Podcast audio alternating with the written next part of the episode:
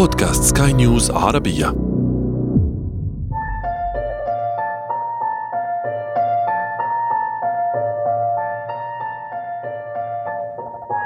عادة ما ينظر إلى العلم باعتباره حلا للمشكلات والكوارث والأزمات التي يمر بها البشر.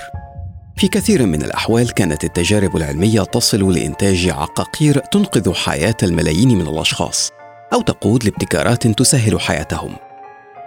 لكن ماذا لو أجريت تجارب كانت تضع البشر موضع فئران التجارب.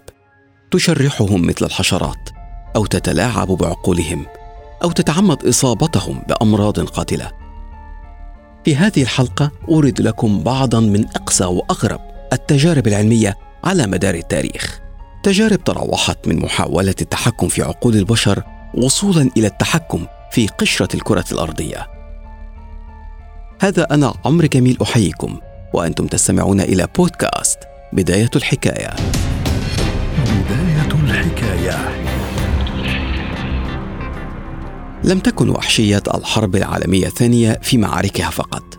حتى بعيدا عن ساحات القتال كانت الأطراف المتحاربة تستخدم العلم أحيانا بأسوأ طريقة ولأسوأ هدف. كان من بين ذلك تجارب أجرتها وحدة البحث والتطوير التابعة للجيش الإمبراطوري الياباني على آلاف الأسرى بدءا من الحرب اليابانية الصينية وحتى انتهاء الحرب العالمية الثانية في عام 1945 أجرت الوحدة عمليات تشريح قاتلة على الأسرى بعد إصابتهم بأمراض مختلفة وكان كثير من تلك العمليات يتم بدون تخدير. كانت بعض التجارب تتم عبر بتر بعض أعضاء الأسرى وتركهم ينزفون. أو بتعريضهم لقضمة الصقيع بتركهم في طقس متجمد حتى تتجمد الأطراف. ثم تغمر الأعضاء في مياه فاترة ما كان يؤدي إلى تساقط تلك الأعضاء على الفور. قال اليابانيون إن تجاربهم كانت لمعرفة مدى قوة تحمل الجسم البشري واستعداده لتلقي الألم أو مقدار الدم المفقود قبل دخول المريض في غيبوبة وصولا إلى الموت. بعد نهاية الحرب وتحديدا في الخمسينيات حاولت الولايات المتحدة تطوير أسلحة تأخذ أي صراع إلى مستوى آخر. لم يكن يتعلق الأمر بأسلحة تقليدية أو حتى غير تقليدية من قبيل الأسلحة البيولوجية أو النووية شديدة التدمير وإنما كان يتعلق الأمر بالتحكم في العقل البشري.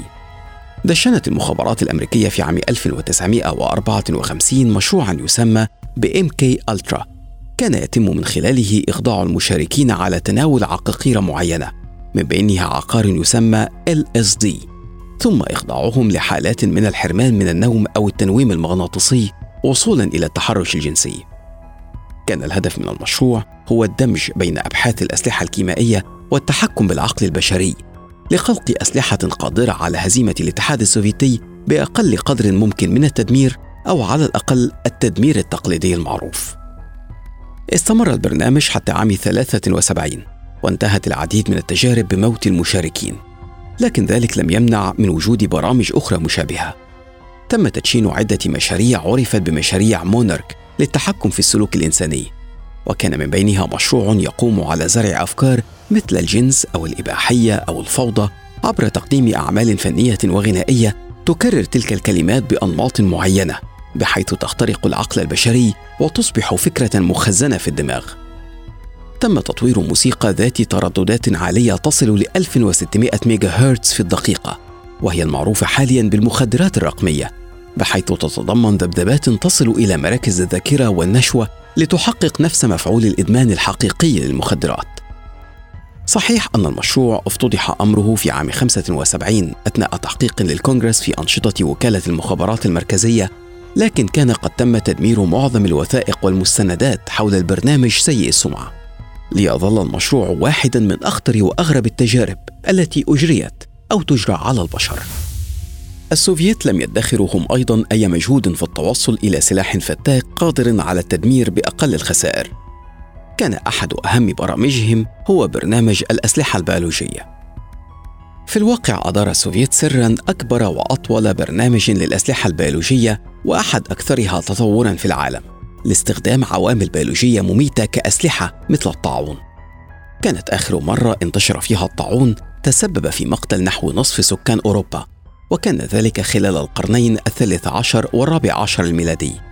وفي أواخر الثمانينيات اكتشف مشروع أبحاث الحرب البيولوجية التابع للاتحاد السوفيتي كيفية استخدام الطاعون كسلاح. ليتم إطلاقه على الأعداء من خلال الصواريخ.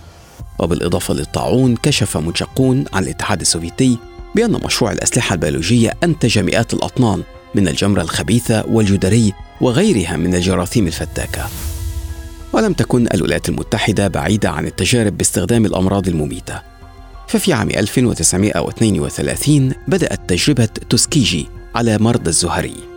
في ذلك الوقت لم يكن هناك علاج معروف للمرض التناسلي المعدي. تم تجنيد 600 رجل أمريكي من أصل إفريقي وكانوا جميعا من الأصحاء للخضوع للتجارب مع وعدهم بمنحهم رعاية طبية متكاملة.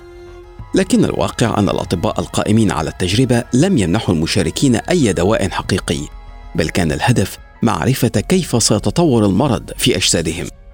انتهت التجربة في عام 72 بعد تسريبها إلى الصحافة ما تسبب في فضيحة أخلاقية لكن المشاركين كان قد انتهى بهم الحال إلى الموت أو الإصابة بالعمى أو الجنون. فضلا عن انتقال المرض إلى بعض زوجات المشاركين ومنه إلى أطفالهم عند الولادة. التنافس على التدمير لم يقف عند سطح الأرض وبالتأكيد نعلم جميعا انه امتد إلى الفضاء. لكن كان للاتحاد السوفيتي مشروع آخر يمتد هذه المرة إلى أعماق الأرض وهو المشروع المعروف بمشروع حفرة كولا. وكولا هي شبه جزيرة تقع في الدائرة القطبية وتتداخل فيها البحيرات مع الغابات والضباب والجليد. لكن في ذلك الركن القصي من الأرض حفر الروس بئرا على مدار عشرين عاما. وصل عمقه إلى أكثر من 12 كيلو متر تحت الأرض. كان الهدف منه الوصول إلى أعمق نقطة في القشرة الأرضية أو الوصول إلى الطبقة التي تعرف بوشاح الأرض. اعتقد الروس أن الوصول إلى تلك الأعماق من الأرض لن يقل أهمية في الوصول إلى الفضاء والحصول على عينات منها لا تقل عن أهمية العينات التي تم الحصول عليها من القمر. ولم يكن الروس وحدهم فالألمان والأمريكيون دشنهم أيضا مشاريع مشابهة والفارق أن هذا السباق المحموم لم ينجح فيه أحد. في عام 92 وبعد أن وصل الروس إلى عمق تجاوز 12 كيلومتر وصلت درجة الحرارة إلى 180 درجة مئوية وبات من المستحيل على العلماء تعميق الحفرة. ومع انهيار الاتحاد السوفيتي وعدم توفر الدعم المادي توقف المشروع كليا. ولاقى المشروع الأمريكي الذي عرف بمشروع موهول نفس المصير ولكن أبكر كثيرا بعد أن أدرك الأمريكيون استحالة الوصول إلى تلك الأعماق السحيقة. فوضعوا كل مواردهم في تمويل برامج الفضاء. أما الألمان الذين بدأوا مشروعهم في عام 1990 فوصلوا حتى عمق تسعة كيلومترات تحت الأرض ثم اضطروا هم أيضا إلى التوقف. في الواقع أن كل التجارب السابقة وغيرها الكثير تم الإفصاح عنها إما لهزيمة من كانوا يقومون بها أو لانتهائها أو لتسريبها في فضائح أخلاقية لأصحابها. لكن الأكيد أن تجارب أخرى كثيرة تمت ولا تزال تتم في عصرنا الحالي. كنت قد تحدثت في حلقة كاملة من قبل عن متلازمة هافانا التي ما تزال المخابرات الأمريكية تحقق فيها. وتشك في أن الروس يستهدفون عملائهم ودبلوماسييهم بأنواع معينة من الموجات تؤدي إلى إصابتهم بأعراض ممرضة لا تفسير لها. تحدثت في حلقة سابقة أيضا عن الجنود الخارقين الذين أقر الرئيس الروسي فلاديمير بوتين بوجودهم والتجارب التي تجرى على البشر بهدف منحهم قدرات خارقة. وتحويلهم إلى ماكينات قتل غير قابلة للمواجهة أو التدمير والأكيد أن ما تم كشفه أقل بكثير من تجارب أخرى تثبت أن لا حدود للعقل البشري في رغبته في الاكتشاف وفي التدمير أيضا بداية الحكاية, حكاية.